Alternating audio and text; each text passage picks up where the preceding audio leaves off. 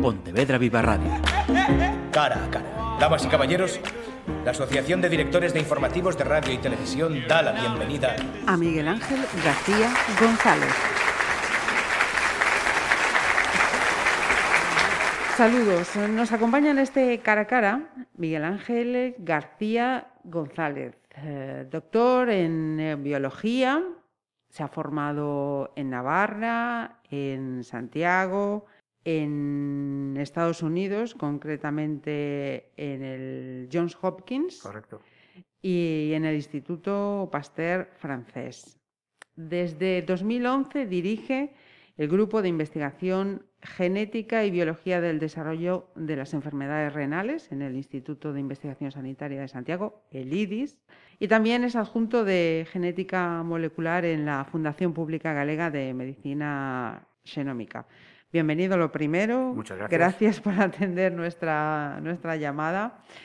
Y Miguel, continuando con tu currículum, he visto que tienes eh, publicadas, y ahora sí que corrijo el dato porque yo no lo tenía correcto, tres patentes. Correcto.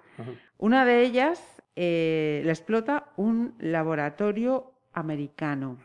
¿Nos explicas, por favor, para qué es esa patente y, si es significativo el hecho de que sea un laboratorio americano quien está desarrollando la patente conseguida por un investigador español de Portonovo, para más datos, todo se ha dicho.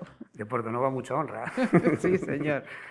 Bueno, pues, eh, eh, a ver, esa patente surge de, una, de, un, trabajo que, que, realicé en Estados Unidos, en Hopkins, como mencionabas previamente, en Baltimore, y que, bueno, pues eh, solventó una de las necesidades que había en, en, una de las enfermedades más comunes, en concreto, la poliquistosis renal es la tercera enfermedad renal y no renal hereditaria más prevalente en la población.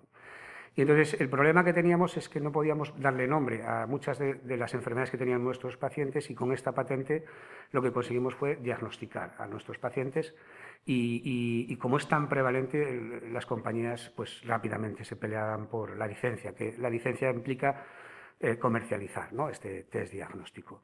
Y de hecho es una patente que a día de hoy Acina Diagnostics se encarga de comercializar a nivel mundial eh, excepto en aquellos países eh, como España, que tenemos una salud pública, ¿no? porque no les renta económicamente a, esas compañías. Ajá. O sea, ese es el, el, motivo, la justificación de que sea una empresa americana y no Correcto. española la que... Eh, lo, bueno, lo bueno que tenemos aquí en España es nuestra salud pública. Entonces, es muy ágil y lo que ha hecho eh, la sanidad pública fue reclutar a quien hizo la patente, en este caso a mí, ¿no?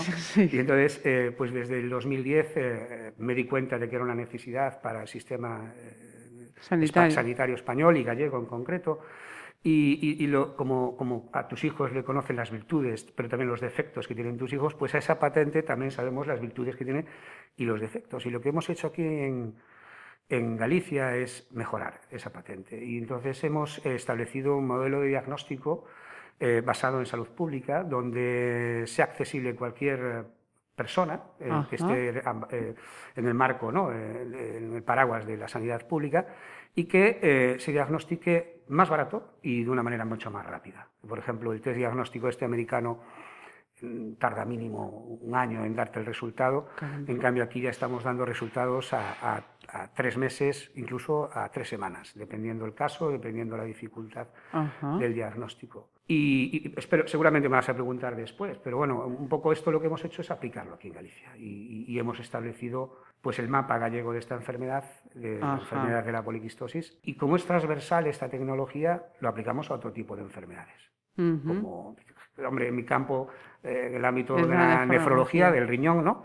Eh, pero que es aplicable a cualquier otro campo. Ajá. Pues sí, la pregunta estaba, estaba ahí efectivamente. Eh, habéis eh, hecho, digamos, un mapa, podemos decirlo así, de pacientes familiares que presentan estas poliquistosis en el, en el riñón, fundamental en la, en la prevención entonces, algo básico. Crítico, crítico. Y, y aparte hemos dado un ejemplo a otras comunidades autónomas, porque Sí es cierto que, este trabajo pues, comenzó, eh, eh, mi mentor, eh, el primero que tuve, que fue el doctor Lenz, allá en el, año 99, cuando no había investigación en Galicia, en los hospitales gallegos, y él pues, puso en marcha este laboratorio, el laboratorio de nefrología, No se hacía muy buena ciencia de aquella, pero sí había buenos científicos. Eh, todo lo hace el dinero, ¿no? Eh, lo que puedas abordar con, con, el dinero que dispones. Y lo que hizo este el doctor Lenz fue establecer un pequeño mapa, o sea, empezar a, a detectar miembros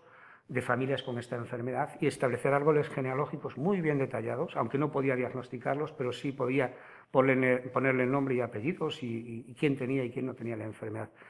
Y eso fue la base de este trabajo, que ahora eh, nos hemos unificado, lo coordino yo, pero de Santiago, pero nos hemos unificado toda la nefrología gallega, de todos los hospitales de Galicia, con servicio de nefrología.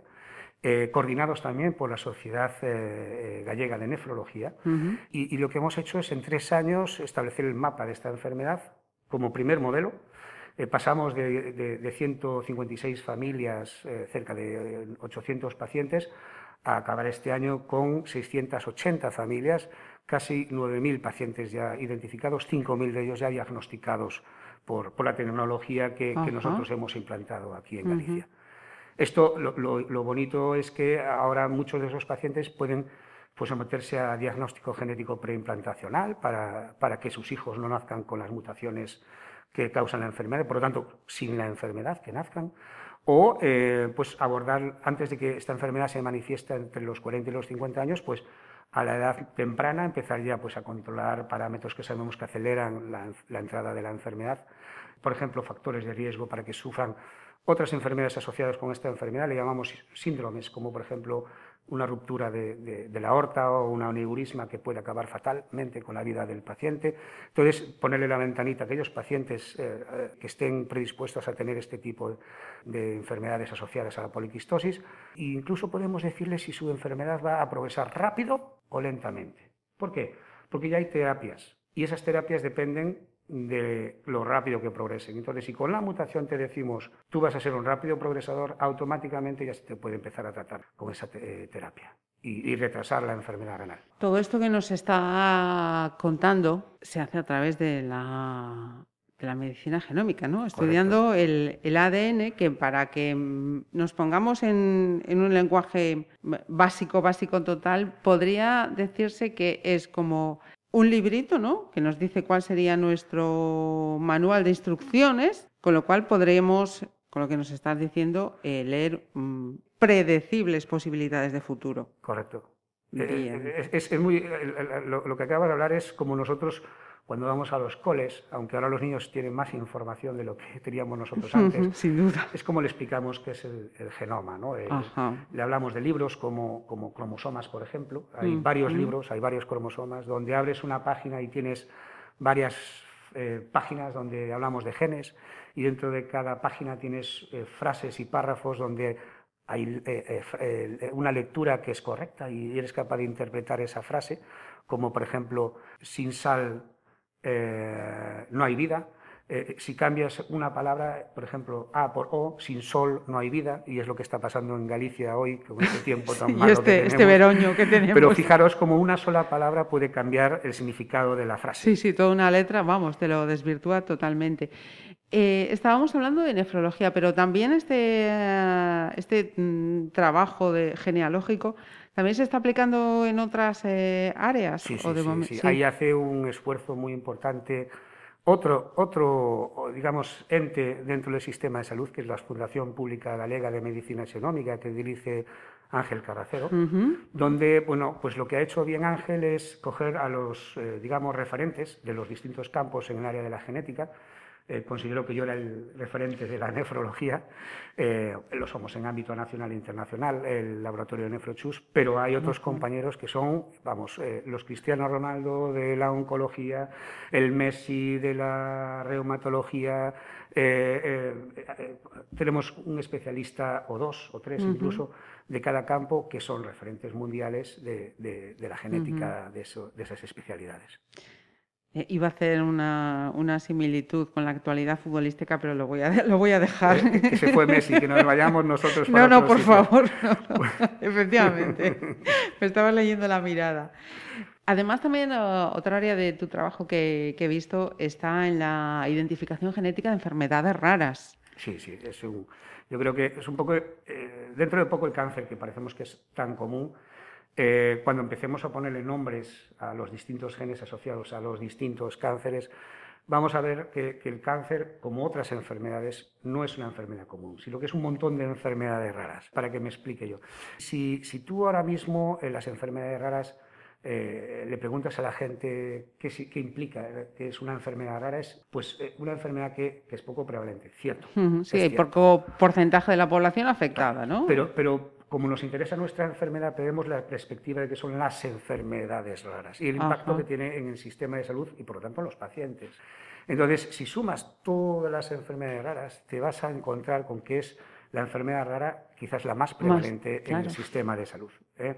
Y más cuanto más vamos hilando fino y cuando vemos que, que hay ciertos genes que las causan, le vamos a quitar el nombre ese grande que le hemos dado como, como cáncer y le vamos a llamar, por ejemplo, cáncer de la célula tumoral X. Eh, por lo tanto, que no tiene que ver nada con el resto de, cánceres, sino que es un tipo particular de cánceres. Y esto pasa pues, en otro tipo de enfermedades raras. En el ámbito renal, eh, sucede que tenemos la poliquistosis renal y el ALPOT, por ejemplo, como las enfermedades hereditarias renales y no renales más comunes, pues, pues te encuentras un sinfín de enfermedades raras de todo tipo, sindrómicas incluso, o incluso menospreciadas porque es el único caso a nivel mundial. Y entonces ahí hay que dedicar muchos esfuerzos porque desconocemos la base molecular ¿no? de la enfermedad, la base genética. Eh, eh, no se invierte dinero en esas. Eh, si es un único caso, no es interesante para las compañías. me acabas de responder a la siguiente pregunta, efectivamente. Discúlpame que me no, no, no, no, no, efectivamente. En, en, ese sentido te quería preguntar, ¿hasta qué punto un investigador, una persona centrada pues, en, en, la, en la ciencia, a fin de cuentas, puede sentirse no sé hasta qué punto frustrado por el hecho de decir, bueno, dedico todo este tiempo a descubrir, a identificar, a ponerle nombre y apellidos, a ponerle todas las letras, y la solución, eh, farmacológica o no, a día de, hoy, a ese problema no llega porque efectivamente lo que cuenta son las variables económicas. Es una realidad. Esto es una realidad, pero tú cuando estés enamorado de una chica o una chica enamorada de un chico, si te da calabazas, eh, bueno, te duele, pero sigues intentando conquistarla. Y esto es la ciencia. La ciencia es así. Cuando uno se enamora de la ciencia, eh, sabes que tienes muchas dificultades a lo largo de tu trayectoria profesional, sabes que vas a, a, veces a tener eh, hallazgos relevantes como no relevantes, hasta que de repente un día ese hallazgo no relevante se convierte en la cura de una enfermedad y se, se vuelve tremendamente relevante. Por lo tanto, nunca hay que tirar las cosas, sino aparcarlas para retomarlas más adelante. Y, sabemos que bueno, pues, eh, el dinero es importante. Eh, el dinero es importante, por desgracia en España se invierte poco en ciencia, en I más de más eh, muy poco en comparación con el resto de Europa, muy por debajo de la media. Pero, pero más crítico es que las compañías multinacionales eh, solo vuelcan toda la infraestructura eh, cuando es importante. Y lo hemos visto con el COVID. estamos en ello. Eh, lo hemos visto claro Desarrollar una vacuna como se ha desarrollado, más de una, bueno, en un tiempo récord, como se ha hecho, es un hallazgo. Esto es un hito histórico en la humanidad, pero en ciencia te puedes imaginar que incluso más. Porque realmente ahí se ve que cuando tiene interés por algo, se consigue. Se consigue a veces con más eh, éxito, otras veces con menos éxito, pero se consigue. Sabemos que hay vacunas que son más eficientes, menos eficientes, eh, pero bueno, eh, al fin y al cabo lo importante es salvar vidas. Y, entonces con salvar una única vida ya es relevante. Mira, precisamente, ya que hablamos de este contexto actual. Perteneces a la Comisión de Investigación y Formación de la Fundación de Medicina Genómica, que, dice el que dirige vaya, el doctor eh, Carracedo. Y mm, había un titular mm, de los primeros meses del año pasado que decía el mayor proyecto genómico mundial sobre COVID-19. La fundación implicada en ese proyecto creo que ponía que era un año vista. No sé si ese año vista mm, no era correcto, si es así. No, no, es, es, correcto, eh, eh, pero con matices. Es decir, realmente el objetivo a un año vista era el reclutamiento, ¿no? Hacer, coger los mayor, el mayor número de casos de personas infectadas con el virus y, hacerle un seguimiento clínico muy concreto, muy específico, de cara a, que tengamos, digamos, todo el espectro de manifestaciones de la enfermedad asociada al COVID. ¿eh? Lo que necesitamos somos números, necesitamos un gran número de pacientes y ahí pues todos los países involucrados en este proyecto lo que hacen es enviarte los datos clínicos de los pacientes asociados a las muestras de esos pacientes. Y eso es oro para nosotros en investigación. ¿Por qué? Porque después vendremos detrás eh, especialistas de distintos campos interesados en nuestras cosas muy específicas, como por ejemplo mi caso en el ámbito de la nefrología, y cogeré eh, todos los parámetros clínicos de los pacientes que, y, en concreto de su enfermedad del riñón, porque a lo mejor no me interesa la enfermedad pulmonar y o la enfermedad asociada al corazón, o. Y entonces ahí lo que voy a establecer es identificación de qué factores genéticos hacen que tú tengas una infección mucho más severa del COVID o te puedas morir del COVID, mientras que eh, a lo mejor un miembro de tu familia lo ha pasado y ni se ha enterado. Entonces nosotros estamos muy interesados en esos fenómenos de, nosotros le llamamos factores de riesgo versus protección genética contra el desarrollo de las enfermedades y eso es lo que va a venir a posteriori del reclutamiento. Es decir, si un año es para reclutar, para tener, digamos, toda la información, y ahora nos pondremos manos a la obra el resto de, investigadores a coger pico y pala y, a, ver en cada área como Correcto. ¿Cómo responde? Correcto. Y, en eso estamos, en eso estamos ya, porque realmente ya eh, la cohorte es bastante amplia y ahora estamos pues ya estableciendo qué factores hacen que tú tengas, en mi caso, una enfermedad eh, pues renal eh, severa versus no haber tenido ni siquiera fiebre, por ejemplo. O sea que en vuestro trabajo sí que esta COVID también nos ha alterado las prioridades, ¿puedo No, bueno, el COVID nos ha alterado no prioridades, nos ha alterado todo. Mm, con decirte que y esto quizás es una crítica al sistema de, investigación nacional. Eh, tan pronto ha salido el COVID, la reacción es tratar a, los investigadores nacionales como un trabajador más. Y lo que hicieron fue obligarnos a teletrabajar o, incluso a dejar de trabajar en una época donde, donde el resto de, profesionales exactamente lo hicieron, menos los sanitarios. Los sanitarios estuvimos al pie del cañón, pero no podíamos hacer investigación, porque mandábamos a nuestros investigadores a casa. Pues todo lo contrario, tendríamos que haber estado ahí los investigadores y los sanitarios codo con codo para, dar respuesta antes a eso.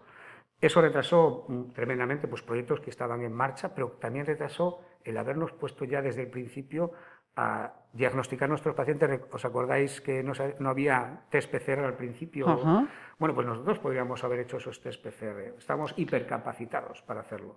Lo que pasa que, bueno, pues eh, son digamos, como es la primera vez, esas prioridades. Claro, claro. Eh, fue la primera vez que tuvimos esta pandemia y, a veces cometemos errores, bueno, pues por el sistema en sí como está, como está montado. Eh, yo creo que, lo importante sería no equivocarnos otra vez. Y, la próxima vez que vuelva a suceder, tener, digamos, a los soldados de, la sanidad dispuestos a combatir este tipo de, guerras eh, biológicas, que no literales, o a lo mejor sí, pero yo creo que no, literales, pero sí que tenemos soldados para defendernos contra estos virus. Mira, y a un eh, experto en este tipo de mm, medicina, yo estaba viendo, y cualquiera estamos acostumbrados ya pues, a oír eh, expresiones, palabras como inmunoterapia, biomedicina, vamos a decir en este momento, terapias eh, génicas. ¿Estamos hablando del presente de la medicina o...? Totalmente. Ah, es una realidad. Eh, de hecho, eh, ahora mismo, incluso en Santiago, bueno, tenemos que presumir de lo que tenemos en, Galicia. ¿no? En Galicia somos referentes en genética y en medicina personalizada. Ahora mismo hay un, gran proyecto financiado con mucho dinero del Instituto de Salud Carlos III, que es digamos, la herramienta por donde se vehiculiza el dinero para la investigación que utiliza el Ministerio de Sanidad. Es el proyecto Impact, que uno de los coordinadores es Ángel Caracet, de los tres coordinadores que hay. Y, ahí ahora mismo eh, se está ya, estamos ahora mismo mascando eh, proyectos que tenemos que enfocar a la, medicina personalizada en, genómica, es decir, em, aplicar ya las herramientas de las que disponemos directamente a nuestros pacientes y que ellos hagan beneficiados. Como hicimos aquí en Galicia con la poliquistosis renal y con las glomerulopatías, pero un ámbito sanitario global donde desarrollemos herramientas diagnósticas más rápido, eh, que lleguen antes a nuestros pacientes y que nuestro paciente salga beneficiado de ese diagnóstico, es decir, con un tratamiento, con un abordaje terapéutico o con incluso erradicar su enfermedad en, los descendientes. O sea que el hecho de que esta medicina tenga ese beneficio en la persona enferma es, va a ser ya o, es ya, me refiero a que no sea solamente ya para unos porcentajes de, pacientes muy, muy pequeños. Eh, eh, tenemos que ponernos en el contexto de que unas enfermedades son más conocidas que otras. Entonces, eh, si el abordaje es personalizado, ¿qué vas a conseguir? Que esas enfermedades que ya conocemos se llegue antes al paciente y aquellas que están lejos de conocerse se conozca más para llegar antes. Entonces, eso no deja de ser medicina, un abordaje terapéutico muy, muy interesante. Creo que en Europa pionero, pero una realidad ya en el paciente. De hecho, Em, la genómica a día de hoy no se concibe no hacer un test genético cuando hace cinco años, que no hablado mucho, no se planteaba hacer el, test genético a una enfermedad hereditaria. Antes a lo mejor podría haber enfermedades hereditarias donde el sistema de salud decía es muy caro ese test, no podemos asumirlo. Cambio a día de hoy, ya, lo primero que se hace, como recetar un fármaco, es hacer un test genético. Si es hereditario. Sí, sí, mira, y otra cuestión, em, para aquellos que hablan de medicina reduccionista, de que em, habría que poner eh, unos límites, unos eh, cotos, porque ya a veces parece que hablamos de ciencia ficción, ¿no? Bueno, mira, mm, yo voy a ser madre, pero quiero saber si mi criatura mm, puede tener esta enfermedad, si no, cómo evitar que ¿Qué decimos? Entres en un tema que, tendríamos que no y tendríamos que dedicarle no solamente más tiempo, sino también distintos puntos de vista con distintas opiniones.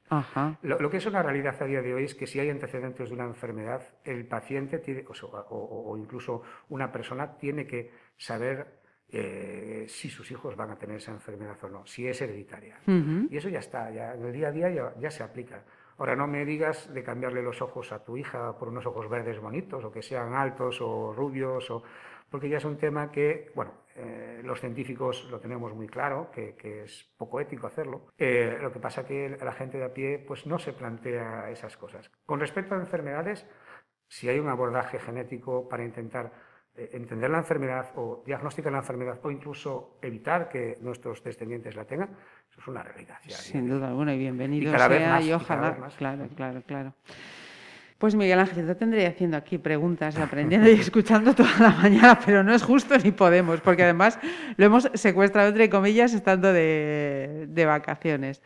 Miguel, muchísimas gracias por acompañarnos y ojalá sigamos recibiendo buenas noticias de, de, vuestro trabajo. De nuestro trabajo y desde Portonovo, que ya sabéis que es el pedazo de mi corazón que, que hace que yo siga haciendo lo que hago. O sea, la motivación de, venir a descansar a, las Rías Baixas, a Puerto Novo, es lo mejor que, que, pues haga mal tiempo. vamos a ir a la parte personal entonces, antes de, terminar. Entonces, aprovechas y visitas mucho... No, yo en cuanto tengo un huequito, lo primero que hago es me vengo para Porto Novo. Eh, Pontevedra es un espectáculo de ciudad, por lo tanto, también, bueno, es que soy un enamorado. Por encima me gusta la pesca submarina y si, bueno. si, acompaña, ya lo primero que hago es tirarme al mar. Ajá. ¿Has podido aprovechar estos días? No, no? porque hoy hacía marejada y aún encima se, eh, no era, el agua está muy turbia y entonces, por desgracia, me he tenido que quedar en mi casa y con, este, con esta lluvia, o sea que menudas vacaciones. Pero bueno, podemos hacer otras cosas como leer y disfrutar de la familia. Sí, y, y del entorno y el paisaje. Sí, señor. Que es toda una fortuna. Miguel, lo dicho, muchísimas gracias. A ti y a vosotros. Pontevedra Viva Radio. ¿Me permiten que les haga un comentario como espectadores del programa Cara a Cara? Según un reciente sondeo de mercado, ustedes disponen de estudios e inteligencias superiores a la media. Sus intereses abarcan desde la actualidad mundial y la ciencia hasta el deporte y los espectáculos.